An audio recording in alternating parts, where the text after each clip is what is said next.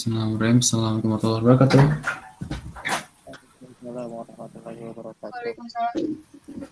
Alhamdulillah. Sedikit sedikit berkabar dulu. Setelah minggu ke-6 ini kemarin sebenarnya kita launching ini ya program baru ya. Kolabor research cuman sampai sekarang belum ada nih yang mendaftarkan diri untuk kita penelitian bareng-bareng entah deh kenapa. Mungkin karena informasinya nggak secara langsung bisa diketahui gitu ya. Nggak apa-apa lah.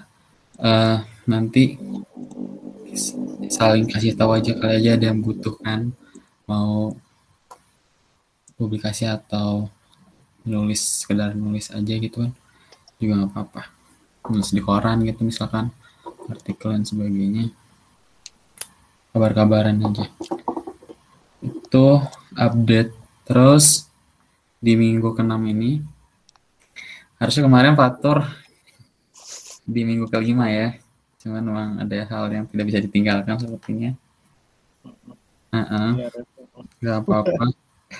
Dan bertanggung jawab di minggu ini jadinya nanti Fatur bakal nyampein terkait transportasi berkelanjutan. Ini dari salah satu jurnal dari salah satu dosen kita ya Ibu Sahnas Nabila Fuadi itu mengenai transit oriented development di Jakabaring ya? Eh, Kertapati. oh stasiun stasiun Kertapati. Ini Iya. ketahuan banget nih ngebacanya nih. Iya gitu. Ntar paralis sambil ngedengerin sambil baca lagi screening gitu. Di sini sekarang ada Brina Dinda ada Frohman tentunya sebagai pemilik.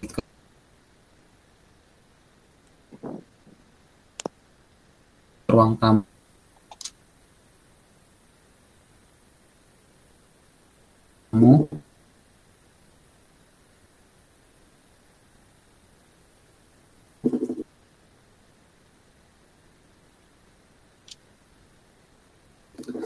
ada Fatih Haninya juga ada Devan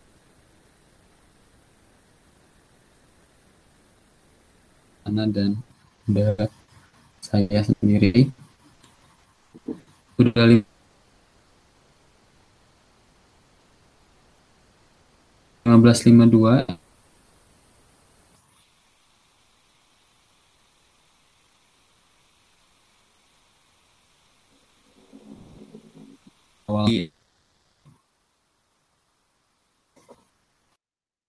Sih tadi Red suaranya Red.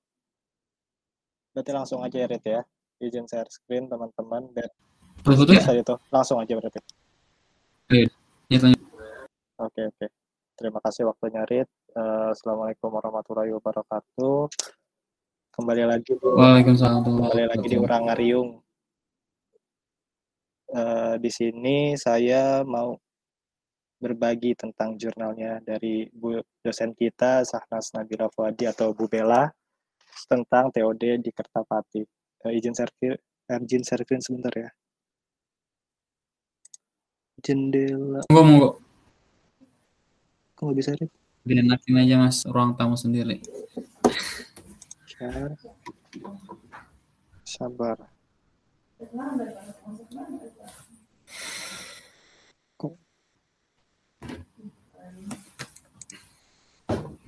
Aku gelap banget ya lightingnya kurang bagus nih sabar ya? Kita pakai tambahan lighting ya Wallpapernya juga, eh backgroundnya juga. Udah kelihatan belum Rit? Biar Udah. sudah sudah mantap mania sabar. Oh, ini PDF doang ya munculnya? Iya. Yap, PDF Oh beda sama Zoom ya? tapi Kenapa? iya jadi harus di PDF-nya kamu tuh nggak di zoom-nya gitu Kalau ini? Oh ya udahlah nggak apa-apa lah. Ya udah. Ya, maaf nih zoom-nya belum dibayar lagi nih Iya agak agak beda ya setelah pakai Zoom pindah ke Google Meet lagi kan. Nih, ada servisnya agak kurang maaf Eh, ya udah lanjut aja kita langsung mulai ini ada jurnal dari Bu Bella Pusat Nabi Fuadi yang judulnya prioritas pengembangan kawasan transit stasiun Kertapati Palembang dengan konsep TOD, Transit Oriented Development. Sebelum masuk sini, uh, izinkan saya nge-share PPT dulu Hmm. terkait dengan TOD. Izin ya. Nah, TOD. Kalau misalkan kita bicara TOD itu, TOD itu pola pembangunan tata kota yang terintegrasi dengan sistem transportasi intinya, sehingga menciptakan sebuah kota yang efisien. Konsep TOD itu itu ibaratnya. Jadi eh, membuat simpul di titik-titik simpul eh, dengan beragam aneka guna lahan, entah itu perkantoran, perkantoran, fasilitas umum, eh, pemukiman dan lain-lain. Selanjutnya,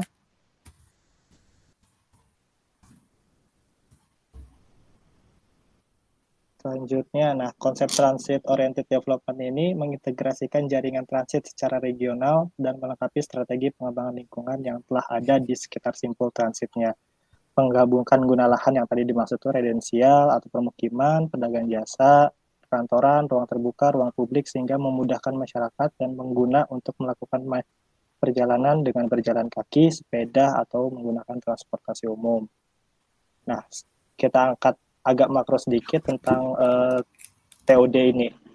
Kalau kita bicara secara lebih luas, kita harus menentukan dulu multimoda transportasinya apa. Transportasi multimoda yang digunakan dan kita turunkan ke moda jalan, dan kita lihat juga perkantoran ataupun antar kota. Nah, dari situ tuh kita bisa lihat menentukan TOD-nya itu tuh buat TOD apa itu loh perkotaan atau antar kota. Nah, yang di, di mana dari masing-masing itu tuh diisi dengan antara dalam trayek atau kendaraan yang sehari-hari itu uh, memiliki trayek tetap atau rute tetap bolak-balik sedangkan tidak dalam trayek itu yang trayeknya bebas dan tidak uh, melulu tentang trayek itu kadang uh, tidak memiliki waktu yang tepat dan uh, jar apa rute yang tetap gitu.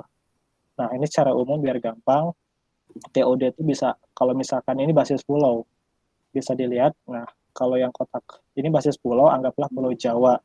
Nah, kotak-kotak besar ini tuh adalah TOD-nya bisa dibilang. TOD itu tapi TOD yang sistemnya yang makro yang besar.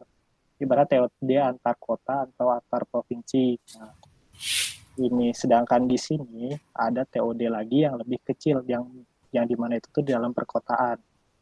Itu.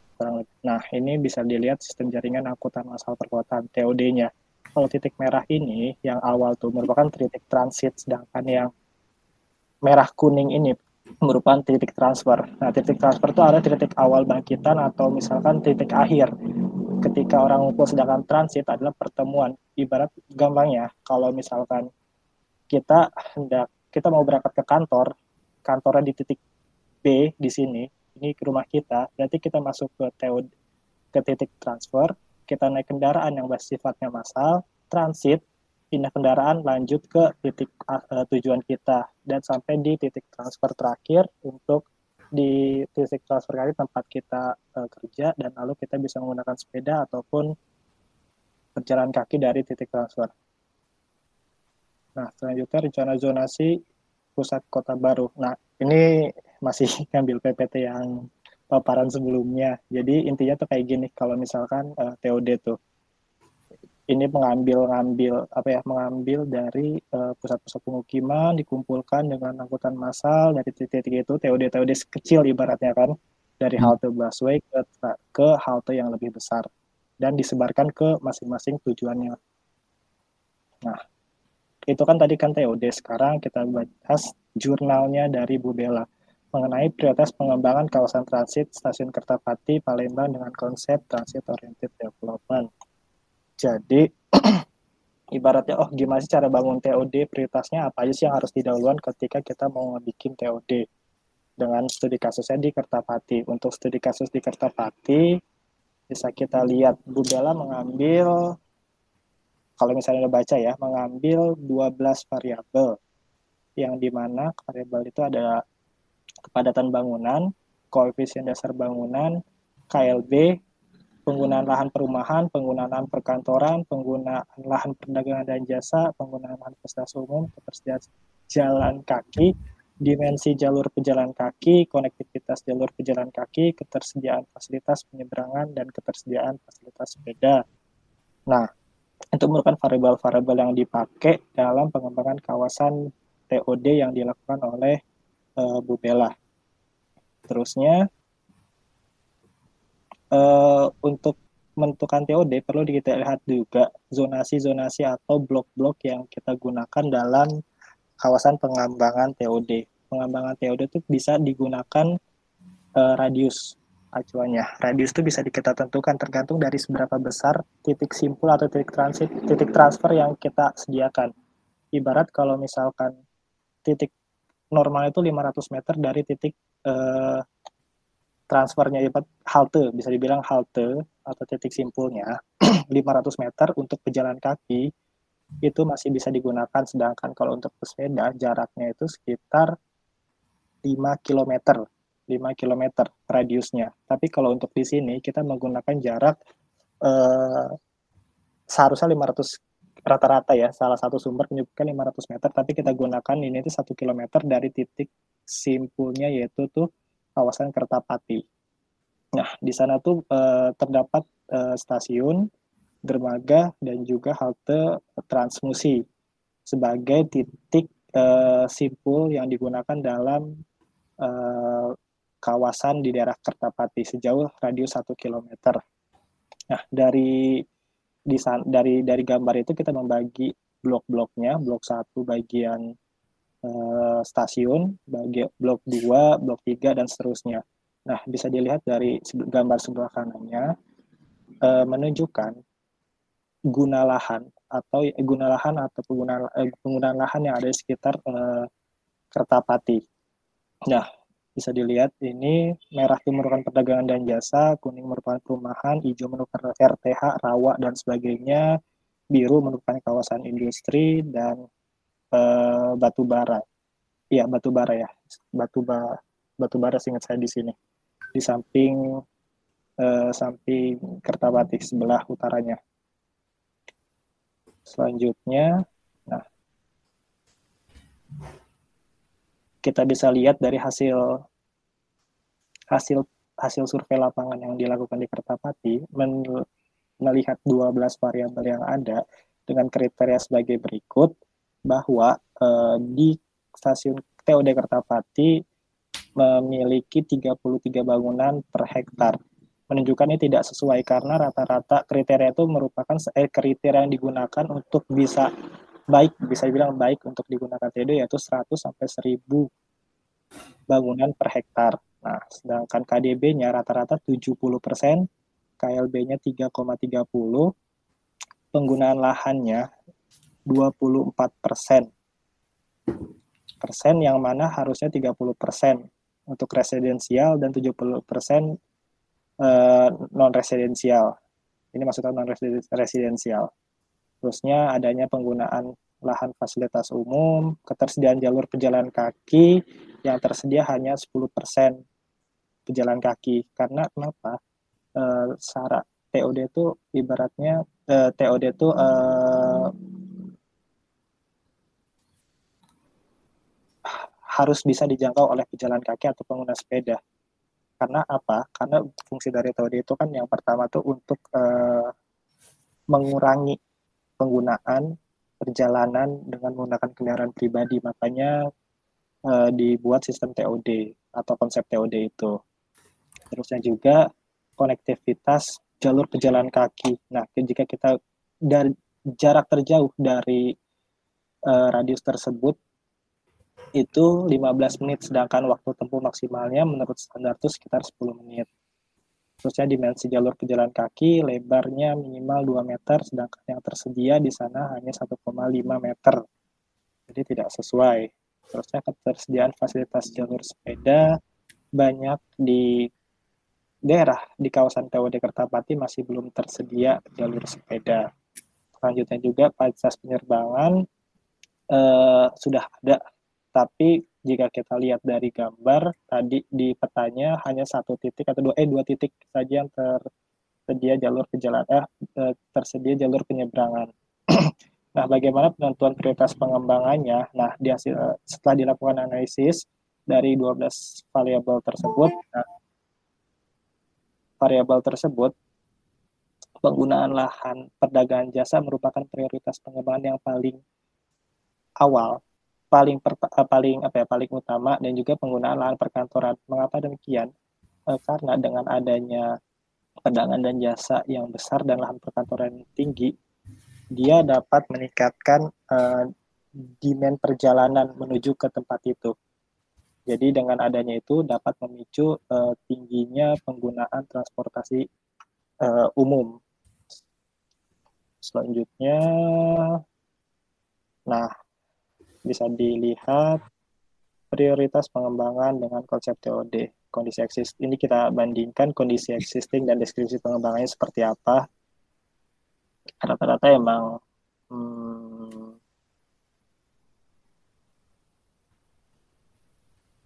30 oh. prioritas pengembangannya oh mengatur proporsi penggunaan lahan di kawasan transit dengan rasio 30 residensial dan 70% non residensial. Karena tadi kan bisa dilihat masih cuma masih 23% uh, penggunaan lahan permukiman sedangkan untuk uh, rasio yang baik tuh 30 banding 70 untuk residensial dan non residensialnya. Terus ini sama sih sama yang ke atas. Langsung kita ke kesimpulannya.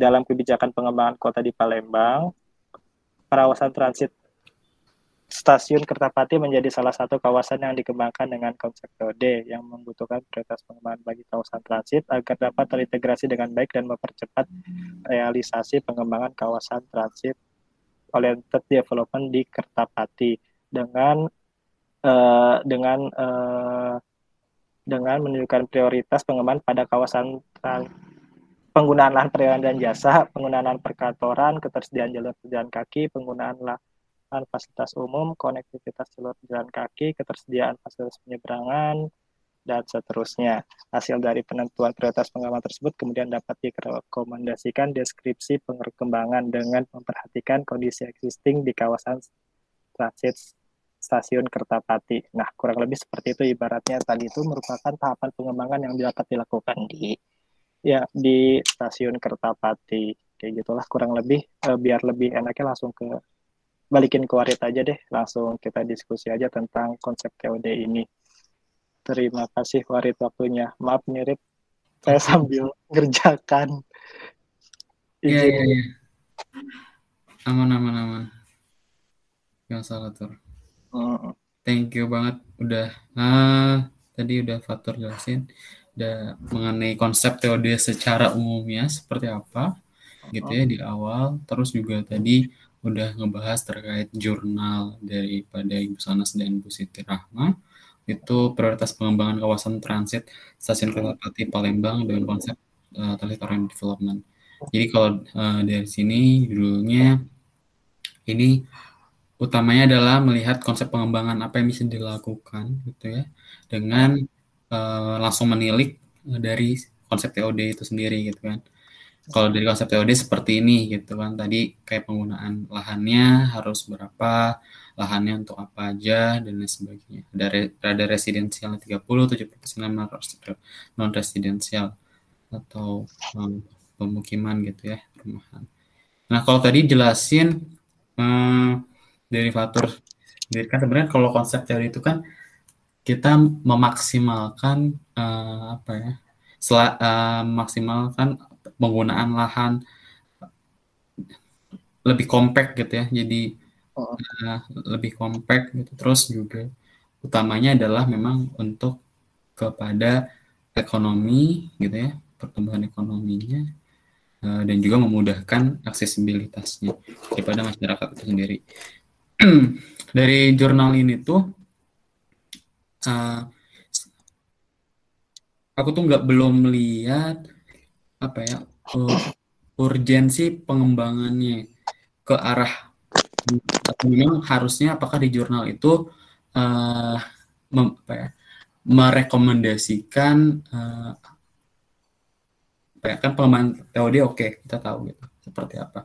Tapi apakah TOD ini teori ini yang seperti apa gitu itu apakah memang di jurnal ini tidak di tidak di apa namanya dituliskan? Atau memang ini adalah kajian awal untuk melihat saja gitu dengan konsep pengembangan TOD ini uh, sudah sejauh mana? Terus kalau misalkan untuk uh, menjadi kawasan transit oriented development itu uh, dia sudah sesuai atau belum? Dan gimana cara maksimalinnya itu sampai situ? Apakah uh, uh, kayaknya kayaknya le lebih lebih menarik ketika ada kajian kekhususan gitu kekhasan dari area sekitar stasiun Kertapati itu seperti apa sih gitu kan. Kalau tadi kan dari berdasarkan 14 variabel ya. Kalau nggak salah dari 14 variabel standar konsep itu seperti apa. Tapi belum tahu tuh uh, mikirnya jangan-jangan ada apa ya? Ada ada variabel apa ya, ada variabel yang terlewat dan itu justru bisa masuk kepada pengembangan TOD itu sendiri di sana gitu tapi apakah udah udah mencukupi gitu pada umumnya di sana. Terus yang kedua adalah urgensi dilakukannya uh, pengembangan TOD di stasiun Kertapati. Uh, mungkin sekarang semua memang geser ya uh, pembangunan ke stasiun-stasiun kereta kayak misalkan ini udah banyak banget kayak di Bogor, di Bekasi itu stasiun-stasiun itu udah di sampingnya langsung hotel gitu ya. Langsung hotel sekarang tuh. Jadi hotel sampingnya langsung stasiun. Uh, kira-kira pasti kan ada kayak pasti ada uh, dampaknya gitu selain mungkin tingkat kebisingannya gitu ya dan sebagai uh, dan uh, tingkat kebisingannya untuk orang yang melakukan bertempat tinggal di sana gitu itu juga kan jadi salah satu uh, minus daripada uh, konsep konsep TOD sendiri atau mungkin memang sudah ada teknologi yang menerapkan dan saya rasa jika memang ada peredam uh, suara seperti itu dan dipasang di lahan komersil oke okay, gitu ya. Tapi gimana kalau misalkan itu ditempatkan di uh, pemukim yang uh, apa namanya low low ini ya middle to low gitu dan asas asasnya akhirnya adalah kalau seperti itu kan akhirnya uh, mencederai maksud dari teori untuk memberikan akses kesetaraan kepada semua gitu kan. Uh, apakah pemukim-pemukim yang kita bisa di, apa yang middle to low ini gitu ya, yang misalkan di rusun-rusun ini uh, menjadi terganggu dan emang akhirnya adalah teori adalah kawasan untuk uh, uh, untuk kaum kaum eksklusif saja gitu kan ini kalau di stasiun kereta Kertapati. Pertama itu tur pertama uh, kemarin Patur juga ikut terlibat ya di sana.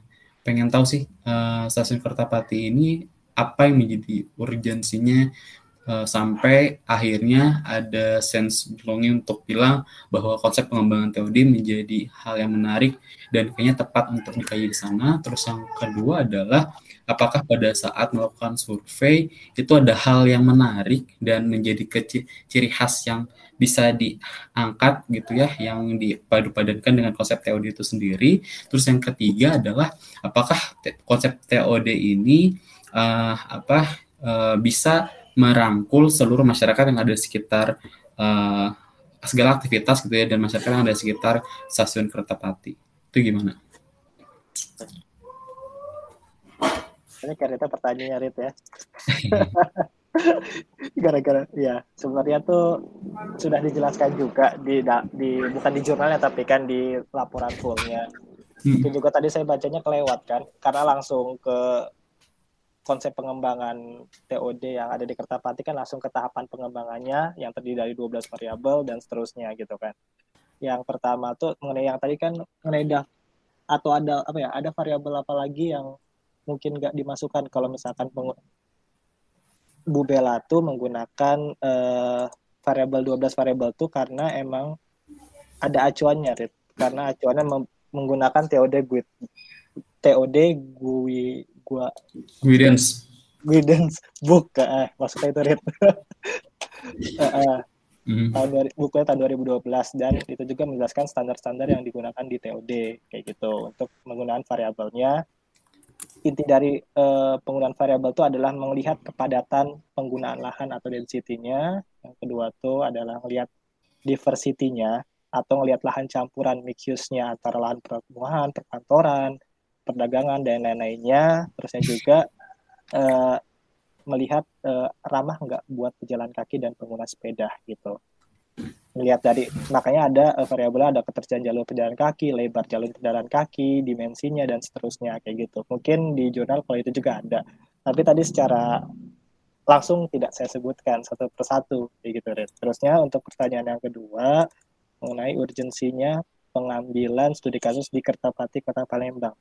Nah, yang pertama tuh urgensinya tuh kenapa di Kertapati? Kalau misalkan kita bisa kita lihat sendiri, Kertapati tuh menurut saya itu unik karena di daerah-daerah atau di kota-kota yang pernah saya lalui cuma ada di Palembang doang. Karena uh, konsep TOD-nya itu tuh menggunakan tiga moda. Moda rel, moda jalan dan moda air. Jarang ibaratnya dari dari apa tuh namanya dari sekian banyak tuh yang ya nggak nggak banyak sih nggak banyak kota-kota yang konsep TOD-nya tuh bisa banyak gitu kan. Kalau misalkan kayak di Jakarta mungkin ada juga. Eh kalau nggak di bandara juga ada. Ada kereta bandara kereta pesawat dan juga jalan kayak gitu ibaratnya. Kalau di ini ada tiga moda uniknya itu ada ciri khas yang ada yang membedakan dengan lainnya. Karena di Palembang tuh masih menggunakan sungai jadi eh, masih menggunakan sungai buat transportasi utamanya. Makanya di situ juga ada dermaga.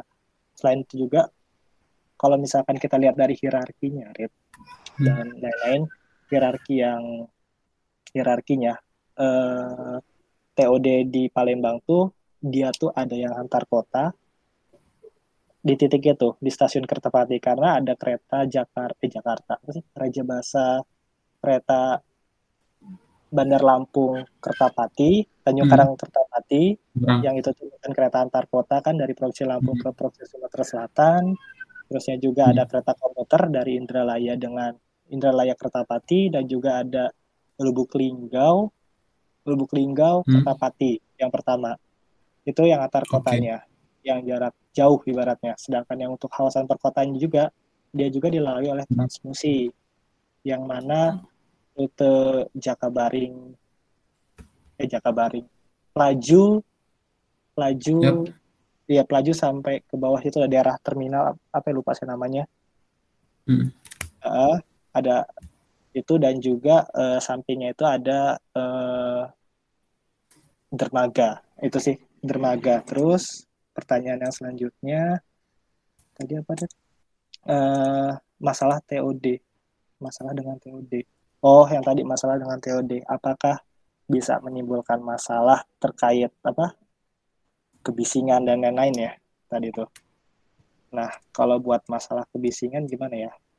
Pasti ada ibaratnya, tapi kembali lagi uh, ya masalah kebisingan atau masalah apa emang wajar terjadi karena emang moda kalau misalkan kereta terutama ya kalau yang lain kan mungkin kurang sih kalau moda jalan ya tetap juga berisik sih intinya kan hmm. tapi ya gimana uh, ya tapi ya itu tuh bisa dimalis diminimalisir dengan ya alternatif-alternatif lainnya mungkin dengan kalau misalkan dirancang kota dengan apa sih pohon-pohon yang biar nggak terlalu bisik ya menggunakan pohon gitu ibaratnya. Tapi kalau misalkan di balik lagi ke konsep teori kan ibaratkan memampatkan ya memampatkan ya ibarat mengkompek lah bahasanya mengkompekkan yang awalnya tuh tersebar sprawl. Nah sedangkan kalau misalkan konsep kota kita sprawl atau uh, apa sih? Ya sprawl intinya. Ya sprawl atau ya nyebar. Organik ya itu emang ciri kota kita kan organik gitu kan tumbuh karena ya organik sesuai yang punya tanah gitu mau bangun apa gitu kan. Ya. tapi hal itu tuh bakal bermasalah dengan penggunaan transportasinya. Hmm. Nah, demikian karena ketika nggak mungkin transportasi itu door to door service ibaratnya melayani ke masing-masing rumah Nah, hal itulah yang menyebabkan uh, penggunaan transportasi pribadi masih tinggi gitu loh. Karena ah males lah jauh gitu ibaratnya daripada menggunakan kayak menggunakan transportasi umum yang mendingan naik motor ataupun naik mobil. Makanya kayak gitu. Hmm. Kurang lebih kayak gitu. Nah. Okay. Um, ini kalau ada yang mau nimpalin, langsung nimpalin aja ya. Uh, yang lainnya gitu maksudnya uh, ini apa namanya baru kemarin tuh uh, kan aku lagi pulang nih ke Pandeglang kan terus kemarin naik bis kan terus lagi-lagi kejadian gitu kayak modal transportasi publik oh boleh silakan Deva Eh, silakan Deva. Enggak, lanjut aja dulu. oh oke kirain mau sih.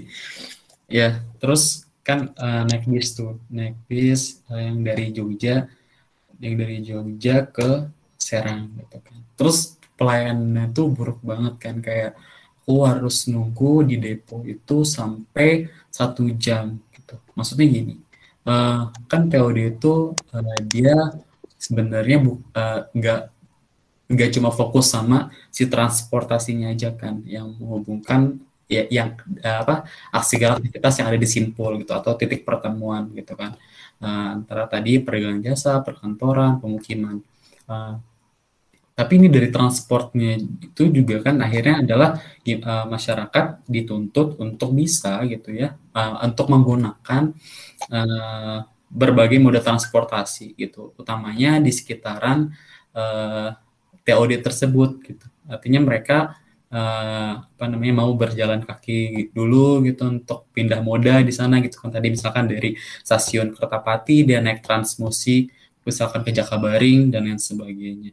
Nah, untuk orang bisa mau eh, ber apa ya eh, menggunakan public transportasi itu eh, kan PR juga gitu. Eh, PR-nya adalah kayak misalkan kemarin ketika aku pulang kan kayak ini eh, udah serius belum sih? Atau mungkin karena memang pengelolanya juga bukan mungkin bukan dari pemerintah kali ya. Tapi apakah intervensi kan ada intervensi ke sana gitu. Misalkan tingkat dis- kedisiplinannya gitu. Akhirnya kan orang ma- sebenarnya kan untuk berpindah itu dia ingin eh, punya apa ya waktu gitu ya spend time yang eh, ya yang cepat gitu. Jadi dari titik satu ke titik yang lain ya pengennya nyaman cepat gitu kan.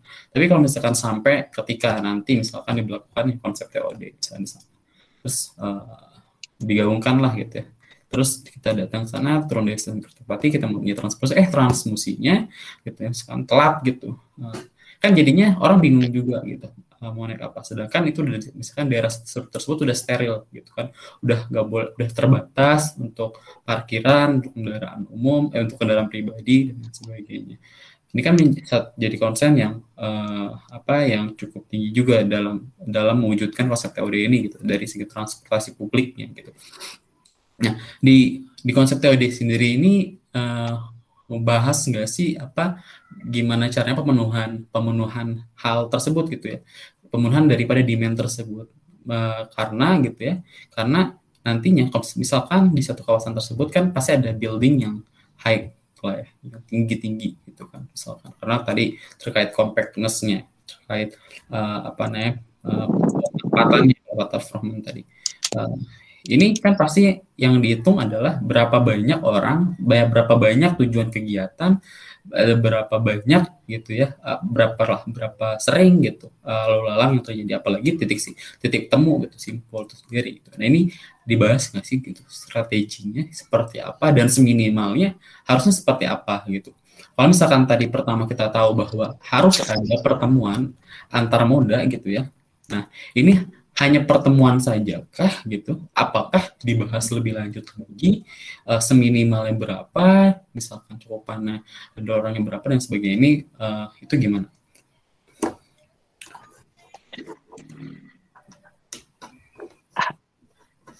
Aduh. Panjang ya, Rit ya. Iya iya. Saya lumayan agak buta juga sih terkait TOD. So, Waktu itu pernah bahas juga TOD gitu ya pas di Jakarta tuh sempat ngomongin te- ngomongin TOD terus kayak Indonesia ini gimana sih gitu mau nerapin TOD yang seperti apa gitu. Orang-orang pada malas-malas kok. malas jalan gitu dan sebagainya. Itu gimana tuh? Iya, iya, Rit ya. Dari dari mungkin tahu. Saya juga masih belajar tentang pertransportasian, Rit. Jadi eh, kalau misalkan balik lagi tadi tentang tentang eh, yang saya tangkap tadi itu dari pertanyaannya masalah eh, ibaratnya waktu tunggu kan ibaratnya dari masing-masing atau eh, ya waktu tunggu dan permindahan moda. Nah, TOD juga tidak ibarat bisa dipisahin juga. TOD itu nggak harus semuanya ngumpul uh, antar kota, kota, eh, antar kota maupun perkotaan tadi. Ibaratnya kalau misalkan emang susah, semakin jauh jarak tuh semakin sulit untuk ditentukan waktunya. Beda sama dengan transportasi perkotaan, apalagi dia ada punya dedicated lane, ibarat kayak busway gitu yang mempunyai apa ya lajur sendiri gitu ibaratnya itu tuh lebih mudah untuk ditentukan waktunya karena emang nggak ada halangan beda sedangkan kalau misalkan TOD tadi yang lain. Mungkin cuma di Jakarta doang yang punya jadwal tetap gitu loh. TOD-nya misalkan TOD ya TOD apa sih namanya? TOD harmoni mungkin ya daerah harmoni. Karena ya itu kan khusus busway ibaratnya. Terusnya juga ya daerah-daerah sekitarnya terus jadi kalau misalkan untuk waktu makanya semakin seragam semakin mudah untuk ditentukan itunya. Apa uh, semakin ya gampang ketebak waktunya itu untuk menjalankan TOD gitu. Sedangkan kalau apalagi tadi pertanyaan lupa deh iya ya kurang lebih itu sih coba ah. oke. Okay. coba. Intinya itulah maksudnya uh, untuk memprediksi hal tersebut tuh susah ya kalau misalkan udah antar dan lebih jauh lagi jaraknya itu ya. Iya, tapi iya, tapi intinya kan TOD itu biasa digunakan di kawasan perkotaan intinya, Rit.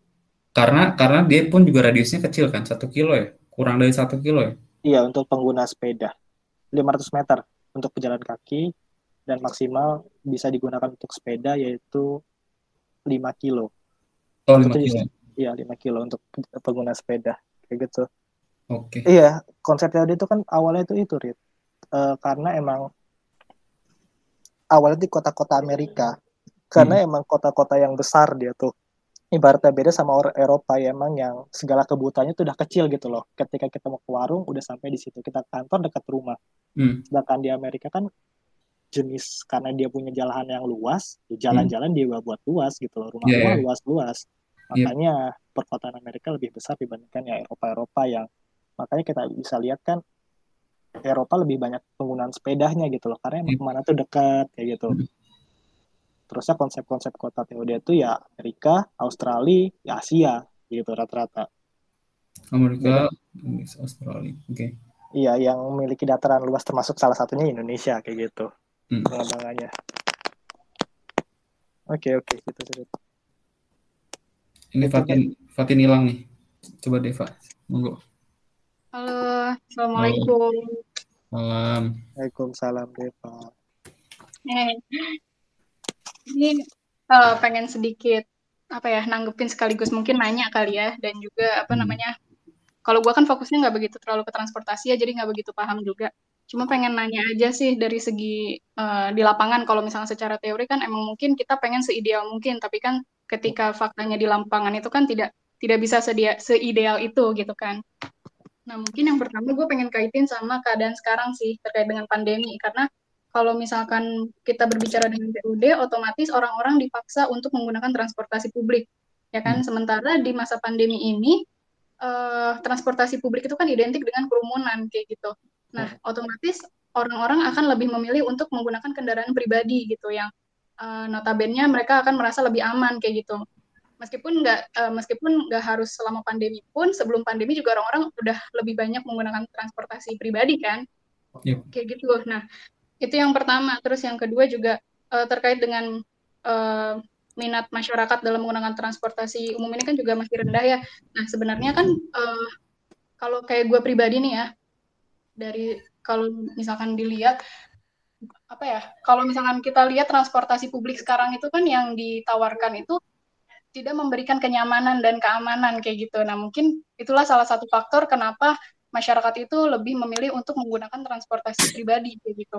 Nah sebenarnya kan bisa aja nih kalau misalkan uh, dibuat transportasi publiknya itu dibuat lebih nyaman, lebih aman. Mungkin dengan hal seperti itu masyarakat akan mau untuk menggunakan transportasi publik gitu.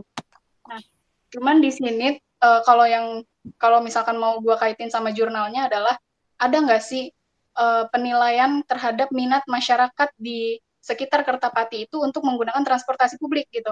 Jangan sampai udah dipak udah dikonsepkan TOD tapi ternyata penggunanya nggak ada. Kayak gitu sih. Nah, terus tadi uh, mungkin masih berkaitan dengan si apa dengan Warid yang bilang tadi middle to low ya. Cuman kan kalau tadi Warid bilang jangan sampai uh, apa TOD ini hanya digunakan oleh orang-orang kalangan atas gitu. Tapi kalau gue mikirnya malah uh, kalau orang kalangan atas mereka akan lebih memilih menggunakan transportasi pribadi. Lain halnya dengan orang-orang di middle to low kalau orang-orang di middle to low itu mereka kan uh, ya masalah keuangan lah mereka akan lebih memilih uh, suatu transportasi yang lebih hemat gitu otomatis mungkin TOD ini bisa diterapkan juga ke lingkungan yang uh, mayoritas masyarakatnya adalah middle to low itu sendiri kayak gitu sih. Ya, yeah, paham. Oke. Okay. Hmm. Ada saya nangkep beberapa pertanyaan dari Deva. Yang pertama tuh terkait pandemi ya Dep. Iya. benar emang intinya kalau misalkan uh, ya pandemi emang sangat bertentangan dengan konsep transportasi publik ibaratnya gitu kan. Yang mana angkutan massal sedangkan massal tuh bakal banyak kerumunan yang itu tuh bisa berpotensi adanya pandemi eh, maksudnya penularan terhadap virus covid salah satunya kayak gitu. Nah saya bicara sebagai sebagai apa ya? Uh, praktisi. Santri, santri, santri. Tuh, pandemi, pandemi memang tidak bisa dihindarkan, tapi penggunaan transportasi umum itu tuh harus tetap ditingkatkan. Karena apa? Salah satu capaian sebagai pemerintah tuh adanya modal share sebesar 60 persen, singkat saya tuh 60 persen modal modal share tuh pindah ke angkutan umum.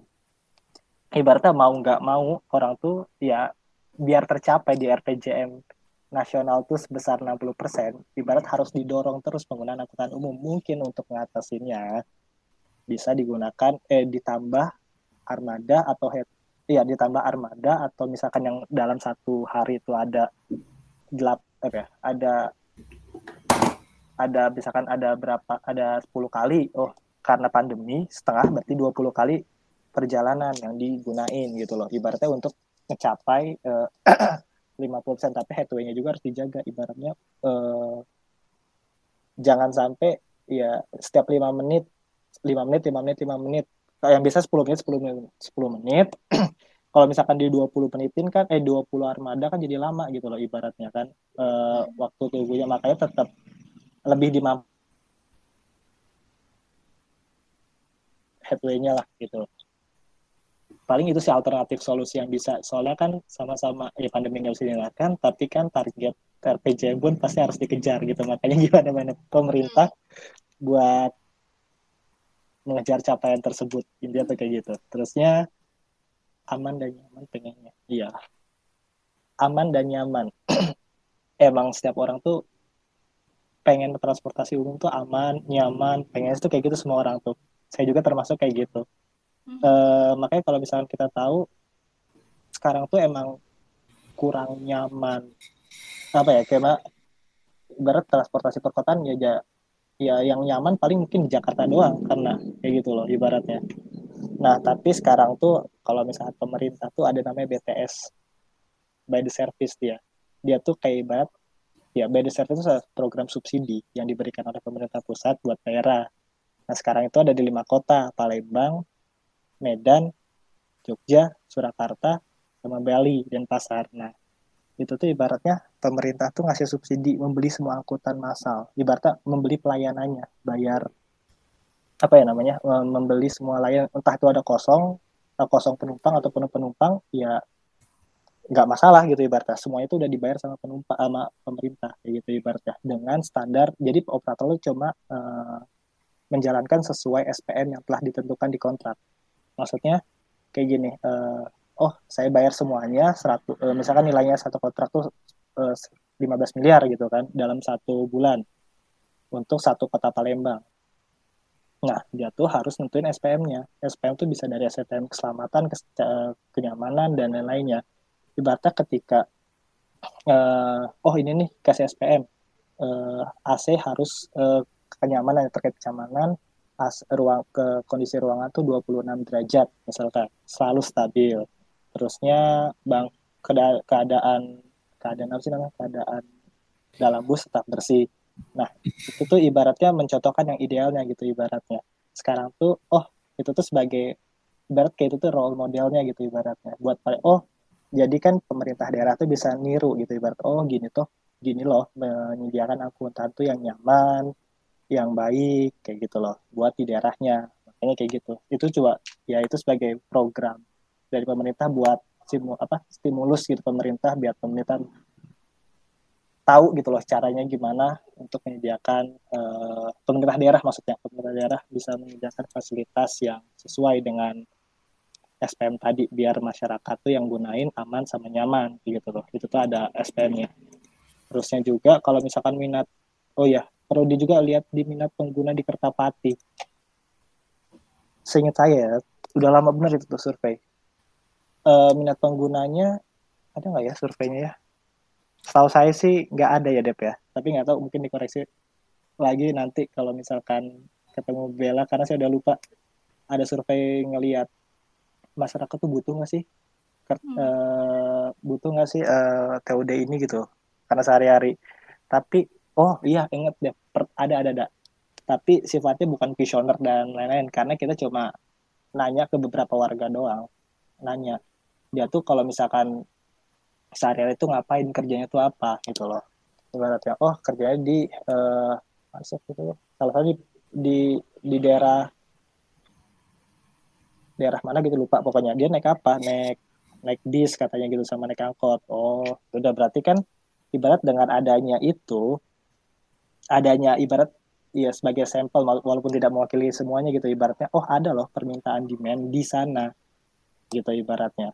De, karena kita bisa ngelihat dengan dia menggunakan angkutan umum oh berarti dengan uh, kawasan TOD itu sangat terbantu kayak gitu ibaratnya. Ibaratnya dia harus ketika dia sekarang jalan tidak benar, oh setelah di konsep TOD eh, jalan tidak benar, maksudnya jalan pedestrian tidak benar, setelah di konsep dengan TOD, oh diperbaiki dan dia juga merasa nyaman kayak gitu ibaratnya, karena tidak bersenggolan dengan kendaraan umum kayak gitu ibaratnya. Ketika dia berjalan kaki dari rumah menuju ke halte atau stasiun kereta api itu untuk naik bis. Terusnya juga apa ya? Jangan sampai pakai pribadi, jangan sampai pakai kendaraan pribadi itu dulu sih Dep. lupa saya satunya lagi tadi yang sama Warit tadi apa yang berbeda oh, iya. pendapat sama Warit ah. Hmm. lupa oh, saya pertanyaannya itu bukan pertanyaan sih mungkin lebih ke tanggapan gue aja sih karena kan hmm. kalau menurut sudut pandangnya Warit uh, eh, TOD ini jangan-jangan nanti malah digunakannya oleh orang-orang yang eksklusif gitu kan sementara kalau menurut pandangan gue malah TOD ini ya yang dibutuhkan oleh kalangan middle to low karena kan mereka nggak punya kendaraan pribadi gitu doang sih tanggapan aja.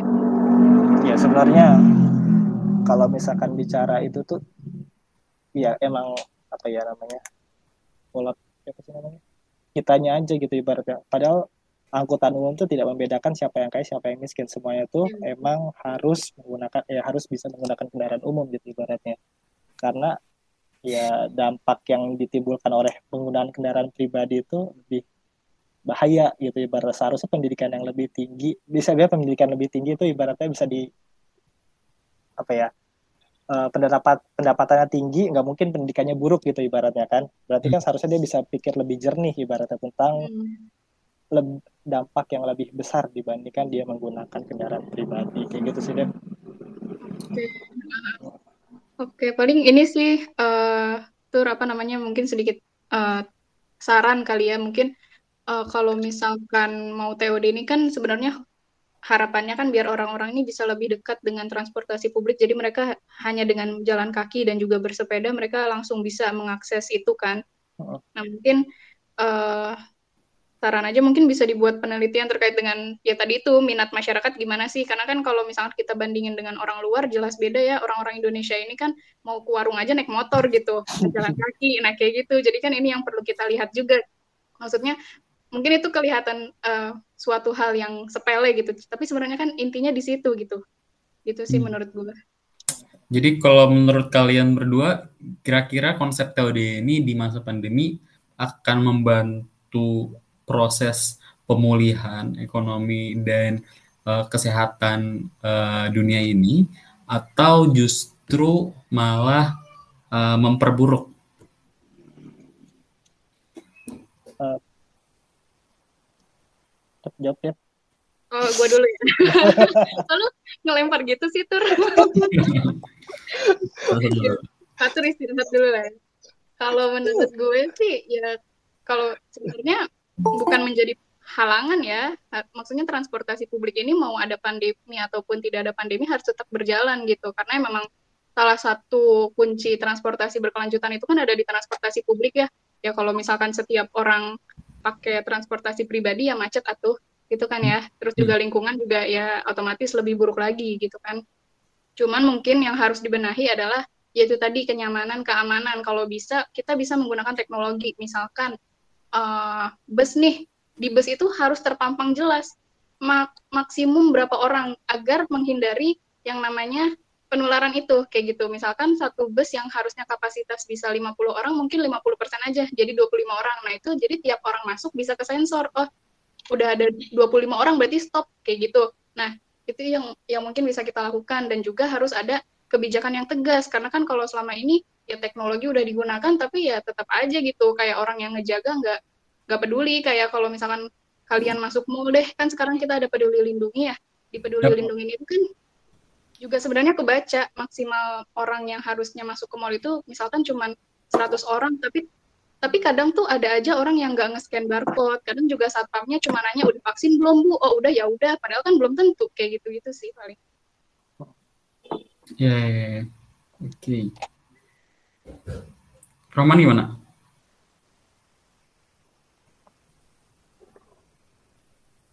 Kabarit, orang nih pertanyaan nih lupa nih. Iya, kurang ajar nih minum tur minum tur ya saya sambil ngerjain Rit oh iya iya iya ya ya Gak tadi nanya aja. Jadi uh, konsep TOD ini di masa pandemi ini justru akan membantu kita untuk pemulihan ekonomi dan juga kesehatan atau malah memperburuk itu sih poin. Oh, iya. Kalau saya netral ibarat ibaratnya dua tuh bisa tergantung dari manusianya. Tergantung dari manusianya. Ibaratnya ketika dia mau menggunakan kita menggunakan transportasi umum tapi juga kita menjaga protokol ya ibarat itu tuh bisa di itu. Tapi kalau misalkan kita ngelanggar ya sama aja itu akan memburuk memperburuk. Jadi kembali lagi ke manusianya intinya tuh kayak gitu ini dari konsep TOD-nya ya oh saya tidak nangkep boleh nambah nggak boleh boleh udah bisa belum atur Udah, udah biar. Eh, kurang ajar kamu mikir. kalau misalnya yang dari pertanyaan Wari tadi setuju sama Deva sih. Maksudnya kalau untuk di masa pandemi, kalau untuk konsepsi TOD ini mungkin uh, bisa membantu justru karena kan di TOD sendiri itu mengembangkan konsep mix use itu kan. Jadi pastinya di dalam pandemi gini orang-orang tuh mencari apa ya?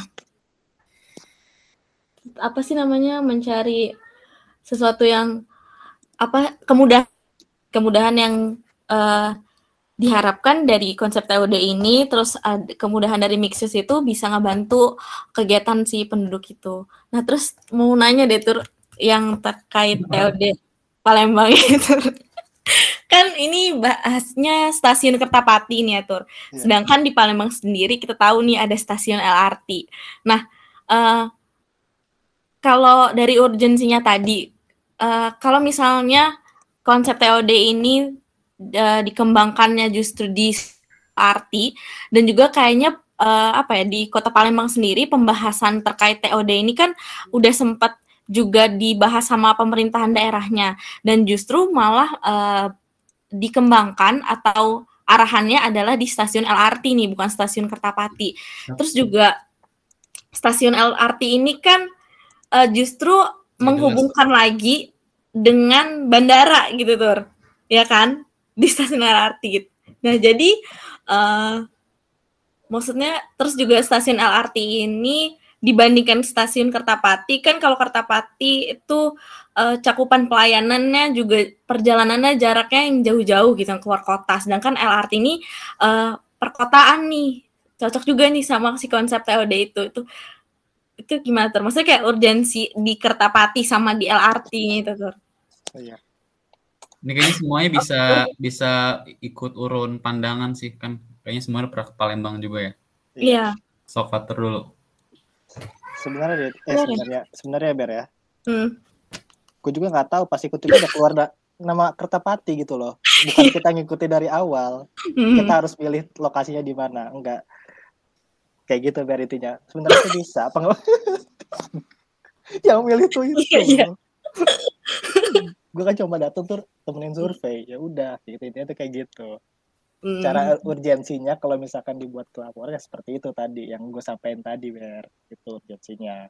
Benar juga kenapa LRT nggak diambil?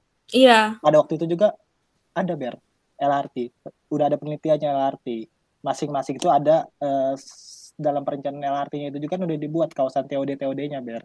Hmm. dari masing-masing stasiun. Makanya jadi daripada itu lagi double ya udahlah. Mungkin ya nangkepnya gue bela tuh kayak gitu ibaratnya udahlah Kertapati aja dulu kayak gitu. Simpelnya tuh kayak gitu ber. Alasannya. Ya nggak gitu. simpelnya. Nggak bisa gitu. dijelasin itu. Iya paling juga bagus. Tapi ibaratnya kalau misalnya dalam perencanaan transportasi itu ibaratnya harus yang salah dari kita ya. Kita tuh nggak ikut. Sebenarnya tuh apa ya? Ibarat kalau kita ada RT RWN gitu. Hmm. ada RT RWN ini juga resistranas ibaratnya kita tuh harus ngacu dari yang rencana atasnya. Tapi terkadang enggak karena kayak ibaratnya salah satu programnya itu oh kita pemerintah pusat nih ada ada bantuan bus 50 buat Palembang. Udah penuh semua trayeknya sesuai sistem rencana trans- transportasi. Karena itu karena itu tuh kalau nggak dipakai sayang ya udah makanya kadang tuh muncul. Muncul aja kayak gitu loh Eh, rute-rute baru kayak gitu. Ibarat tidak sesuai dengan semestinya. Kayak gitu sih salah nggak nggak ikut rencana dari di atas. Ya pak. Sabar sabar.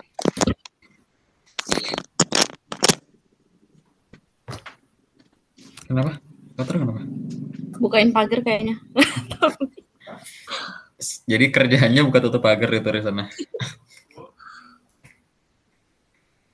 Deva mana? Kucing mau lihat dong. Tendangin. Eh, bobo.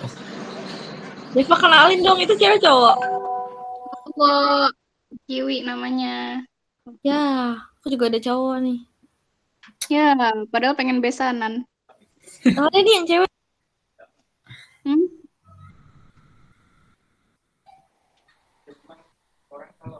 Malah tawar-tawaran. Kalau hilang hilang tiba-tiba berin. Kurang ajar. Yap.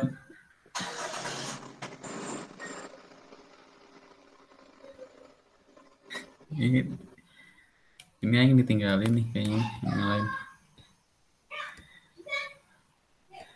Oh, ngambil kucing. Banget. Kenalan siapa namanya? Suara kamu belum ada. Berdin di mute. Namanya Siapa? Boba Boba. Iya jadi aus. Kalau ini kiwi, ih jadi pasti habis makan kiwi minum boba. aduh aduh aduh aduh tuh Halo boba kiwi. Kayak kiwi, assalamualaikum. Assalamualaikum. Halo, boba. Ih gemes.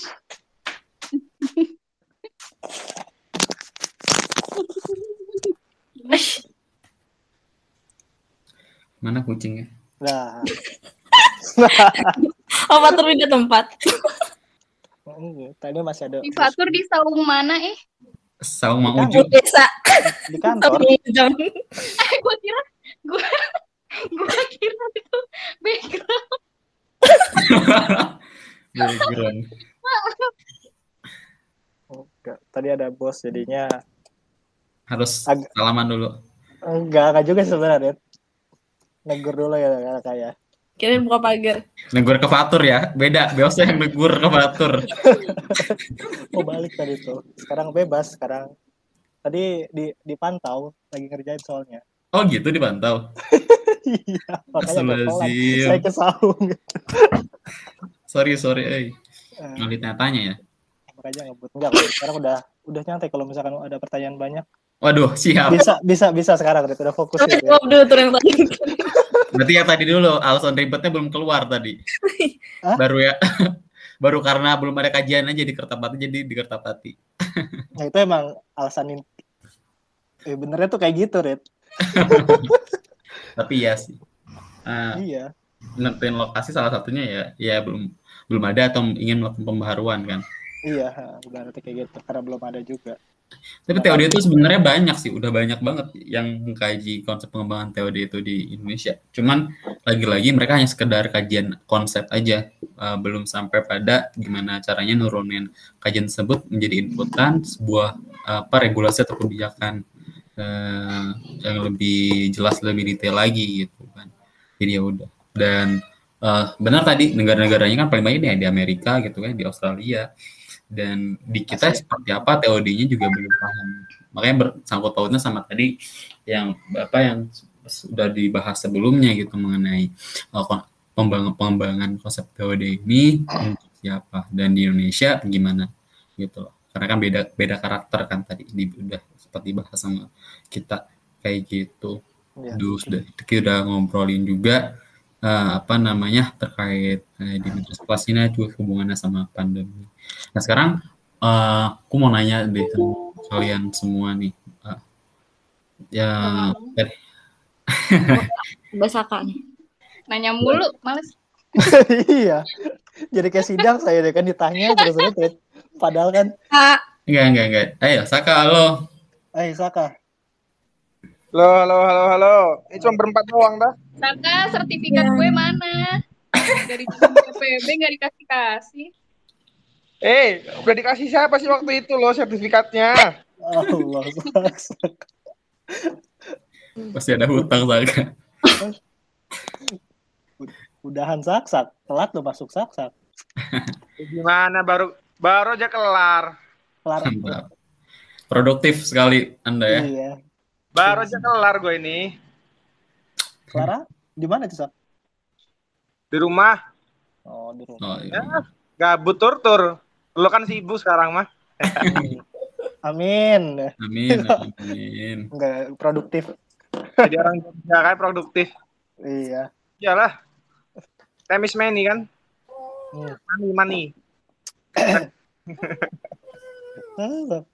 Terus apa nih tadi lanjutin Rit? Iya ya, iya Sak. Tadi kita udah ngomongin konsep TOD, kenapa di Kertapati gitu. Terus juga udah ngomongin TO- TOD eh, hubungannya sama pandemi ini gimana, terus sama budaya di Indonesia itu gimana penerapannya seperti apa dan lain sebagainya. Terus sekarang lagi mau geserin diskusinya mengenai teori ini eh, berdasarkan transport eh, apa namanya sustainable transportation. Jadi eh, aku sempat searching gitu ya di Google terus ada dua definisi yang dibagikan sama The Center of Sustainable Transportation Canada sama satu lagi The World Bank. Nah, intinya itu dari mereka ngejelasin bahwa sistem transportasi berkelanjutan itu lebih mudah terwujud pada sistem transportasi yang berbasis pada penggunaan angkutan umum dibandingkan dengan sistem yang berbasis pada penggunaan kendaraan pribadi. Berarti cocok ya untuk konsep TOD ini eh, yang yang utamanya memang eh, apa namanya tran- transit ya titik temu lah simpul eh, menghubungkan antar moda transportasi umum seperti itu. Nah kalau menurut kalian dari eh, tadi kan yang dari dua definisi yang diberikan sama World Bank dan Sus- Sustainable Transportation Canada ini adalah eh, mewujudkan itu melalui angkutan umum ya dibanding angkutan pribadi. Apakah dari dua, dua definisi tersebut itu sudah mewakili eh, daripada konsep TOD itu sendiri? Atau konsep TOD ini justru malah lebih eh, apa me- memiliki eh, nilai yang lebih untuk mewujudkan eh, transportasi yang berkelanjutan? Dan utamanya di Indonesia gitu ya itu transportasi umum apa nih yang eh, nyaman? Dan apakah basisnya harus berdasarkan eh, wilayah atau tat- tata ruang ya atau justru malah melihat uh, utamanya melihat dari kepada budaya itu sendiri atau culture itu sendiri gitu. Kayak misalkan tadi di Palembang uh, kasusnya adalah ada apa ada penyeberangan uh, sungai juga gitu kan, ada transmusi juga. Itu gimana? Hmm. Boleh foto ya. dulu? Ber, yang kan ngomong ber gitu. dulu, pakarnya dulu coba. Uh, yang udah bebas dari bos katanya nih. udah bebas. Enggak, Uh, kalau misalkan lihat ya itu kan arti ya, ya. Kalau misalkan ngelihat dari yang pengertian dari World Bank dan Kanada tadi itu secara umum sudah ngecakup semua. Tapi kalau misalkan untuk disesuaikan di Indonesia tadi kan ibaratnya yang intinya tuh konsepnya tuh jangan sampai demand eh. mengaruhin transportasi, Rit. Ibarat transportasi itu yang membentuk demand. Sapa Intan dulu, sapa Intan dulu. Hai Intan. Gimana Tan? Halo, Assalamualaikum Intan. Halo, Waalaikumsalam. Oh, ya, Intan. Ada siapa Intan di sampingnya? Dia lagi Fatur. Oh. Lagi Fatur. Tur, udah, udah. Udah ya. Ayo lanjut lagi Tur. Sehat-sehat ya Tan ya. Alhamdulillah. Amin. Cantik banget deh, Pak. Intan. Kalau cewek ketemu cewek tuh cantik-cantik kan ya, cantik banget deh, Pak. Iya, cantik kamu Intan. Tuh, terus dibalas. Kamu gantengan Fatur.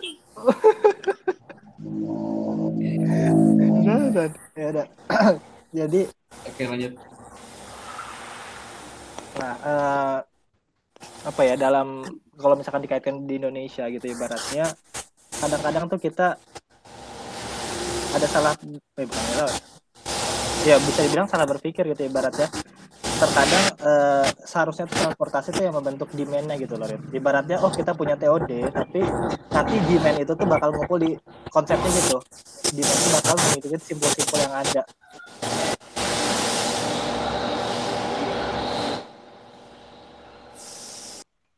Sorry nih Intan. Di mute agak ganggu. Uh, terusnya uh, sekarang kan gini salah satunya root uh, ya uh, yang sekarang tuh di Indonesia tuh masih keganggu sama oh aku tuh harus dilayani transportasi nih. Jadi ibarat transportasi tuh ngikutin demandnya. Padahal kalau misalkan kayak gitu tuh bakalan mahal hmm. biaya yang dikeluarkan untuk infrastruktur transportasinya. Maksudnya oh Bekasi nggak kedapat nih transportasi harus dilewatin. Terusnya masuk ke Purwakarta nih jadi ibaratnya panjang seharusnya uh, karena konsep PTOD itu ibaratnya compact. Jadi itu ibaratnya yang inti awalnya tuh tulangnya tuh eh apa ya rantai cabangnya itu transportnya sedangkan daun-daunnya itu adalah nanti bakalan ngikutin di cabangnya itu.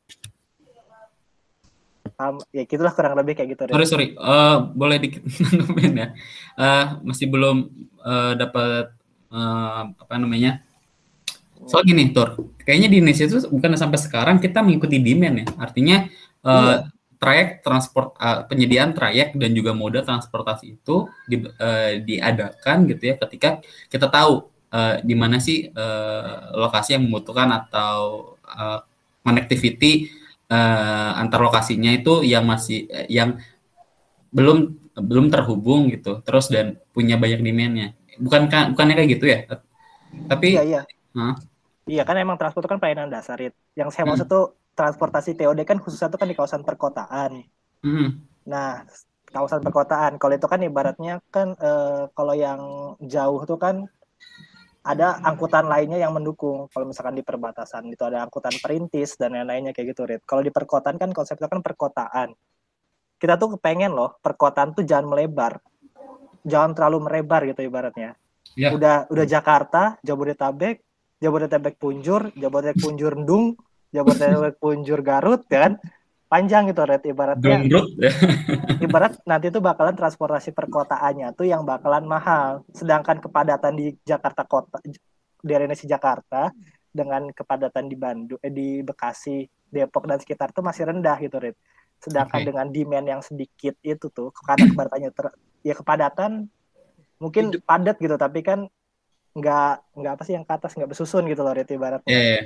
Sedangkan biaya yang dikeluarkan untuk transportasi itu kan ya infrastruktur transport mahal. Oke. Makanya ibarat perlu ada batasannya. Yang pertama tuh Oke. untuk kawasan itu per, kawasan perkotaan ya yang dilayanin transportasi massal atau transportasi umum tadi kayak gitu ibaratnya eh, cabang yang lainnya tuh daun yang ngikutin. Bukan Hmm. kita tuh oh di sana tuh belum terlayani. Belum, belum, belum, belum kayak gitu. Bakalan nanti tuh ya bakalan masalah dari segi pendanaan buat transport kayak gitulah kurang lebih. Berarti kalau dari faktur ini menyoroti pembiayaan transportasi operasional pemeliharaan juga gitu ya untuk Iya, si transportasinya gimana sih untuk berkelanjutan ya eh, lu harus punya satu area perkotaan dan mandiri untuk membiayai transportasi tersebut gitu. Jangan sampai ini melebar nggak ada tahu batasnya sampai mana akhirnya juga untuk mengatur dari pembiayaannya akan jadi repot. Sehingga untuk keberlanjutan transportasi itu agak susah gitu ya. Iya. kayak gitu ya. Betul, ibaratnya eh, makanya kalau misalkan ada jauh, ibarat ada dua kota satelit gitu, ibaratnya ada Jakarta, ketika sama Bekasi belum gabung ya udah, biar Bekasinya punya perkotaan sendiri, Jakarta punya perkotaan sendiri, dan itu tuh dihubungkan dengan angkutan yang lebih massal kayak gitu loh. Jadi ibaratnya yang dari jadi ada simpul Bekasi sama simpul Jakarta buat nyebar kayak gitu, ada hub and spoke itu.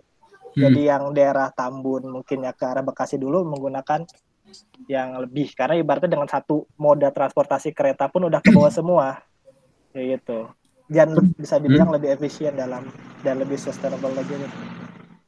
Gitu. Oke. Oke, oke. Tapi ini agak agak agak ini ya agak bertolak belakang dengan pemenuhan kebutuhan dasar lainnya gitu ya.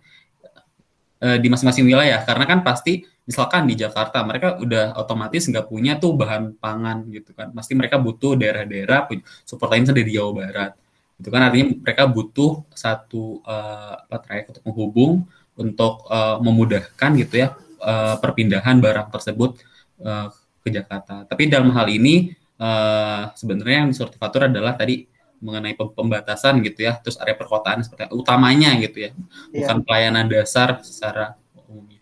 Oke, berarti untuk sustainable transportation itu dari segi pembiayaannya diperlukan pembatasan dari masing-masing area perkotaan gitu, sehingga lebih jelas dan eh, apa untuk tadi ran- terlebih ada ranting terlebih dahulu baru ada daun-daun bukan daun terlebih dahulu gitu. Artinya bu- bukan ada titik-titik atau ke apa ya eh, bangkitan-bangkitan yang eh, yang sifatnya organik gitu ya Eh, dan baru kita masuk apa kita sambungkan dengan ranting-ranting ini. Sehingga kita juga bisa tahu gitu eh, kita bisa lebih manage eh, secara mudah gitu ya. Kalau misalkan kita tahu nah ini rantingnya mau sampai mana? gitu. Oke. Kurang ini lebih. Kayaknya. Saka ini udah mikir banget nih. Coba Saka gimana menurut Saka Pikir apa warit, warit. Masih nunggu warung nih. oh? Jangan dulu lah.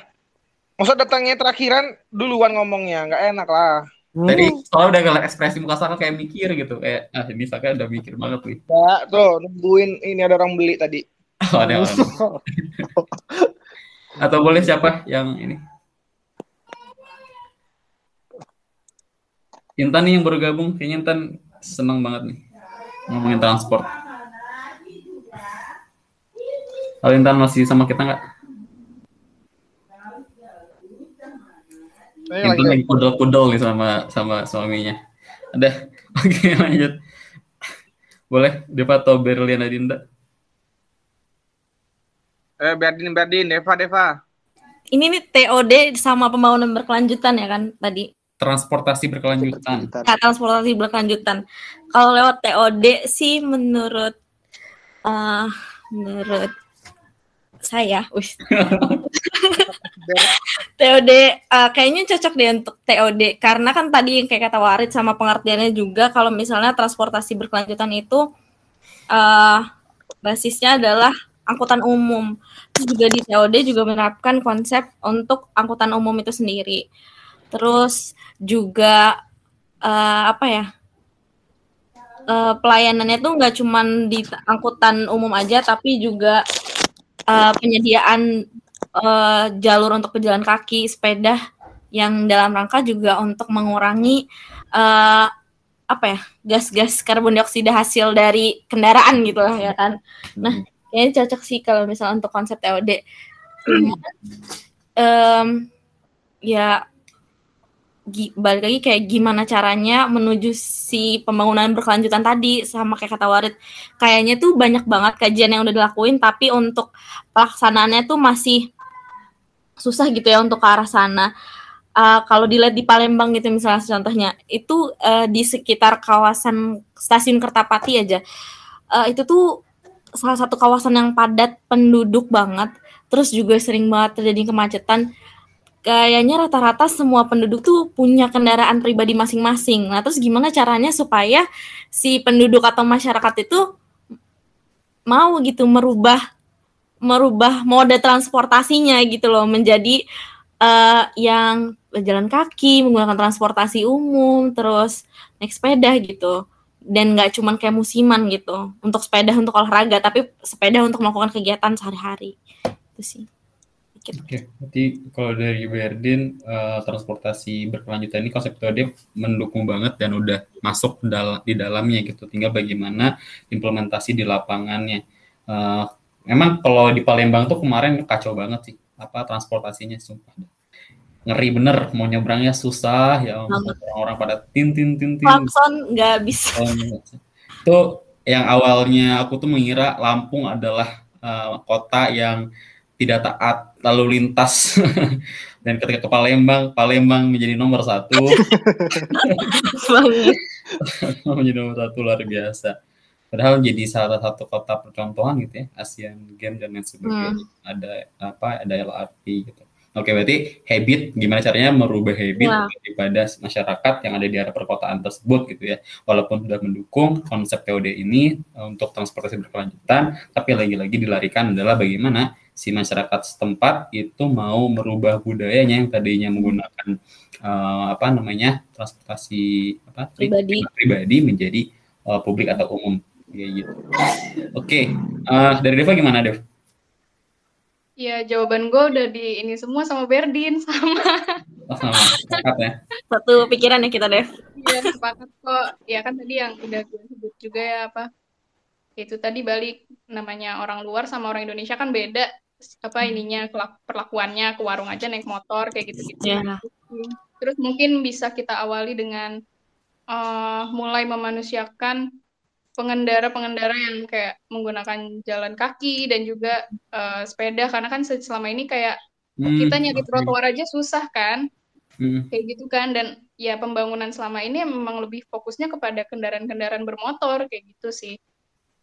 Jadi yeah. kalau misalkan memang pengen berkelanjutan ya itu kita harus mengubah mengubah apa perilaku manusianya. Gimana caranya mereka mau menggunakan transportasi publik? Aku ingat jadinya ketika tadi Deva bilang kita ngawalin dari mana sih kita mulai memanusiakan si pejalan kakinya, kita mulai memanusiakan si pesepedanya gitu. Kenapa? Uh, dulu pas uh, eh, 2000 berapa gitu ya, pulang waktu itu pulang dari Bandung, ke Bandar Lampung itu sengaja banget waktu itu jalan kaki dari stasiun Kar, apa uh, Tanjung Karang sampai ke sampai ke kosan. Kontrakan. Sampai ke kontrakan. Sengaja jalan kaki pengen tahu ini gimana ya kalau pakai apa pedestrian way-nya di Bandar Lampung. Dan itu luar biasa pegel-pegel gitu ya. Terus susah sempat hampir terjatuh juga. Karena tingginya luar biasa ada yang tiba-tiba tinggi terus ada yang ada yang tengah-tengahnya bolong ada di tengah-tengah ada pot ada pohon banyak macam-macam lah gitu. Uh, yang pada akhirnya kesimpulannya adalah memang belum ramah banget sama yang namanya uh, pejalan kaki kayak gitu. Dan itu memang harus sih uh, untuk untuk kita mau merubah itu ya kita harus juga berikan fasilitas itu. Cuman terkadang ongkos untuk menyediakan itu juga akhirnya menjadi apa ya uh, akhirnya juga uh, harus di apa secara khusus gitu uh, di dialokasikan. Karena lagi-lagi kita uh, di Indonesia sendiri uh, namanya sektor apa ya, sektor yang menangani itu juga kadang-kadang pindah-pindah apa tugas fungsi gitu ya. Terus sama uh, alokasi anggarannya di mana juga terus nggak jelas. Nah itu jadi salah satu masalah juga. Saya gimana saat untuk melihat gimana sih transportasi berkelanjutan dengan konsep TOD ini? Hmm, ini kan gue masih nggak ngerti apa rit. Mungkin tapi dari Berdin sama Depa ya mungkin sejalan sih. Yang jadi pengaruh TOD sama transportasi berkelanjutan tuh ya menurut gua sih apa ini sosial budayanya sih kok menurut gua. Karena kan perencanaan juga kan harus disesuaikan sama daerahnya. TOD itu emang bagus untuk apa sih integrasikan transportasi segala macamnya kan biar nggak banyak kendaraan pribadi tapi kan satu salah satu faktornya kan budaya. Dari Indonesia kayak mana? Budaya kan apa OTW tapi kan nggak OTW banyak kan? Oh, budayanya. Nah kalau sosial kan perilakunya. Perilakunya dalam hal misal nih ah nggak mau ah panas. Ah nggak mau ah pegel. Capek. Nah itu kan masuk sosialnya. Makanya perencanaan kayak mana pun ya salah satu faktornya ya harus ini disesuaikan sama kebudayaannya misalnya nih di daerahnya tuh udaranya sejuk kayak di Bandung pasti bisa tuh untuk pedestrian hmm, jalan okay. kaki karena masih make sense kan sejalan. Hmm. Nah, tapi kan kalau untuk di Lampung, aduh, hmm. ngegas aja bawaannya. Udah panas, banyak debu. Nah, mungkin salah satu faktornya ya gimana sih caranya selain kalau udah sosial budaya tadi kan udah udah terpatri lah di kepala ya. Mungkin udah jadi diri orang Indonesia mungkin susah untuk merubahnya. Nah, salah satu faktornya mungkin kayak teknisnya gimana sih apa transportasi ini bisa jadi acuan utama. Yang pertama misalnya apa ya, lebar jalan kan kayak misalnya kayak denger di mana ya lebar jalan Jakarta tuh diperkecil karena diperlebar untuk jalan transportasi umumnya ya nggak sih kayak pernah denger kayak itu hmm. nah terus nah kebalikannya di Lampung kan mungkin kayak misalnya kayak jalan tol eh jalan tol lagi apa jalan layang flyover oh, kan iya. nah mungkin itu sih kalau menurut gua gitu sih Rit Oke, okay, apa okay. ya? juga sih. Orang nggak ngerti. Nah, soalnya megang TOD itu waktu rancang kota aja. Kemarin tuh tentang TOD Tanjung Karang, stasiun Tanjung oh. Karang. Nah ya untuk faktor kayak waktu survei ke sananya ya, ya kayak gitu capek kayak dan banyak orang yang kayak ya nggak jelas-jelas gitulah agak susah. Sosial budaya sih apa ngaruh banget mungkin ya. Terus kalau untuk masalah teknisnya untuk transportasi keberlanjutan sama TOD itu ya apa ya? Tadi itu mungkin disesuaikan sama kondisi lingkungannya terus sama kayak ada nggak sih yang di Surabaya itu dia untuk bayar transportasi itu dia pakai botol minum apa sampah ya? Ya benar. Botol plastik. ada kan nah mungkin itu kan salah satu terobosan misalnya kan. Namanya kan orang Indonesia apalagi orang-orang yang ngekos orang yang mencari uang dengan keringat. Agak PR banget itu kan. Di mana kan cost sama benefitnya kan harus disesuaikan kan. Itu sih mungkin. Oke oke. Berarti tadi utamanya pertama terkait sosial budayanya ya.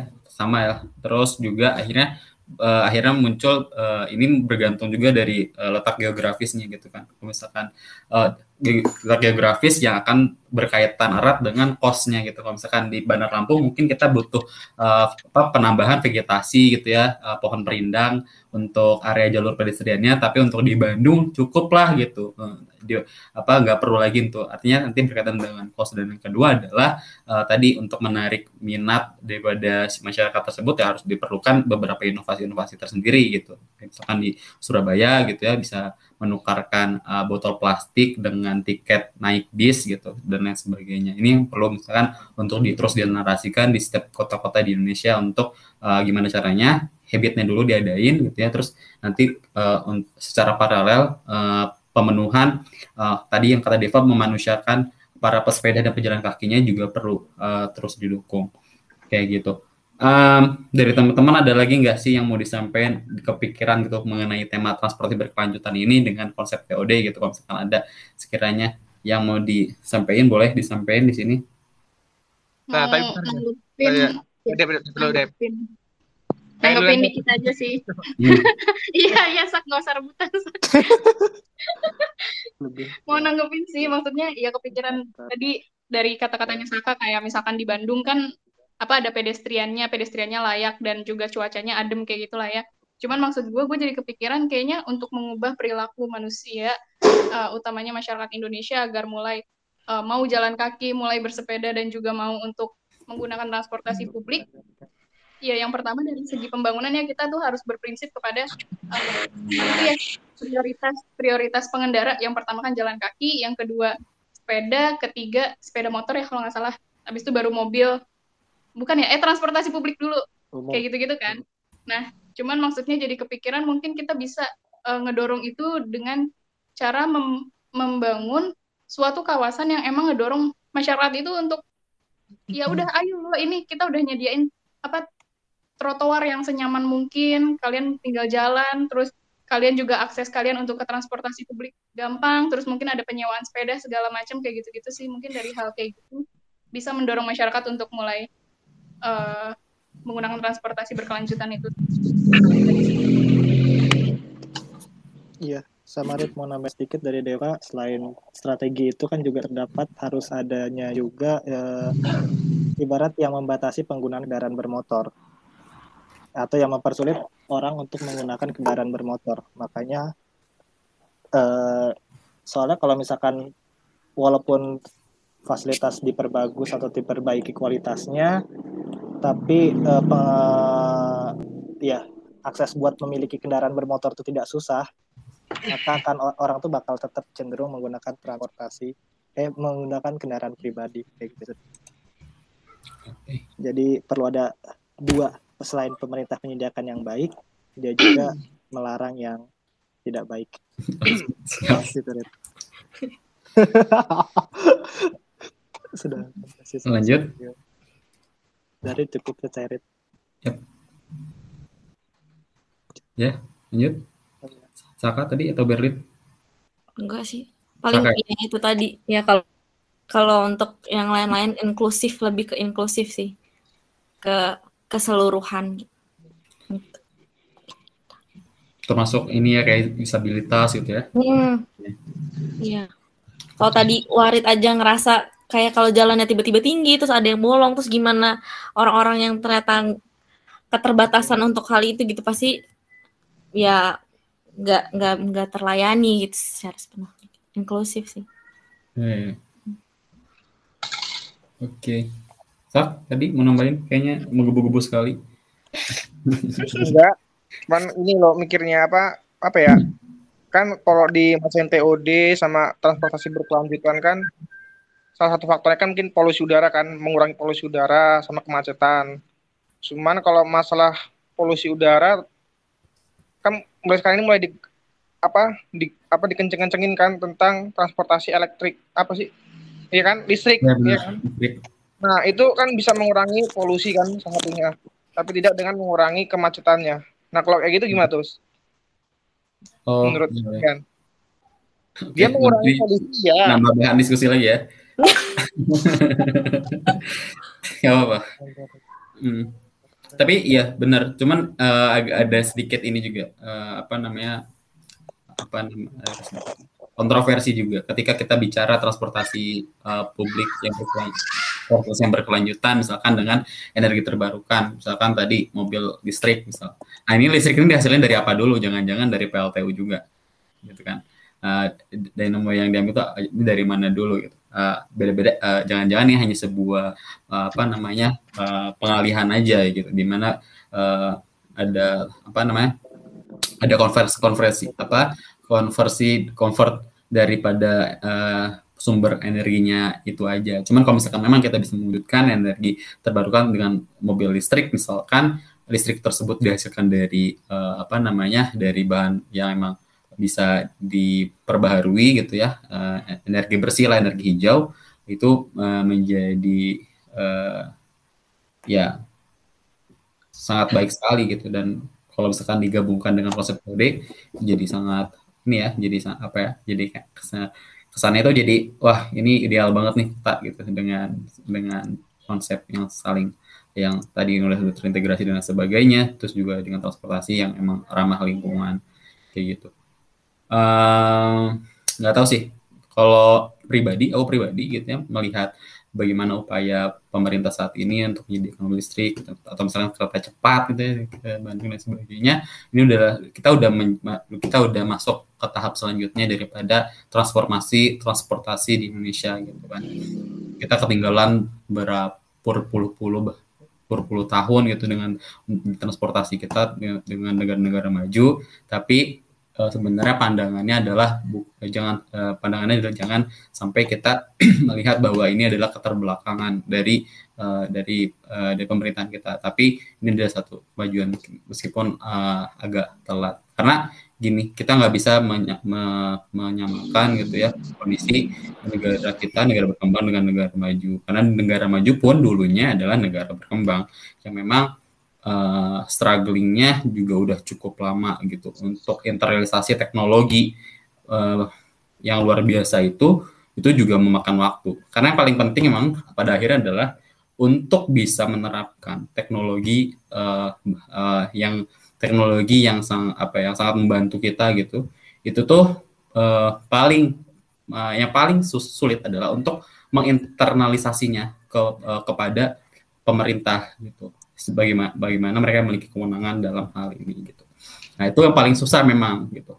Kalau misalkan waktu itu pernah mengutip salah satu pernyataan daripada uh, Afutami, kalau teman-teman tahu, Kafu itu bilang kalau misalkan kalian mau melakukan suatu perubahan terhadap satu wilayah gitu, maka yang perlu kalian cek pertama adalah pertama identifikasi masalah tersebut terlebih dahulu maka 50% masalah itu terselesaikan. Lalu selanjutnya apa kalian harus punya orang sekurangnya adalah uh, eh, 15% dari total keseluruhan. Maka gerakan atau uh, suara yang kalian akan internalisasikan itu itu udah cukup untuk bisa didengar. Itu cuma cukup untuk didengar doang tuh belum tentu ditindaklanjuti gitu. Makanya memang agak sulit untuk uh, bisa langsung diterapkan di Indonesia. Kayak gitu. Makanya banyak pertentangan kan Eh, bagaimana uh, apakah ini menjadi salah menjadi salah satu solusi ataukah hanya sebagian orang saja yang menikmati daripada kebijakan baru tersebut?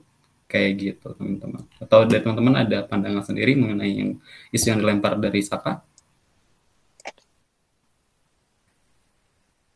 Tahu sih kata Warif. Perlu diperhatikan. Dia sumbernya tuh dari apa? Kalau misalkan bukan baterai itu sumbernya dari bukan energi terbarukan ya sama aja gitu ibaratnya setuju deh oke okay. ketawa lagi retreat iya yeah. ada lagi teman-teman ini tujuh belas dua dua mandi mandi maghrib kayaknya udah datang apa lagi ya. Tadi kita udah ngebahas banyak panjang lebar juga mengenai konsep teori dan perspektif berkelanjutan.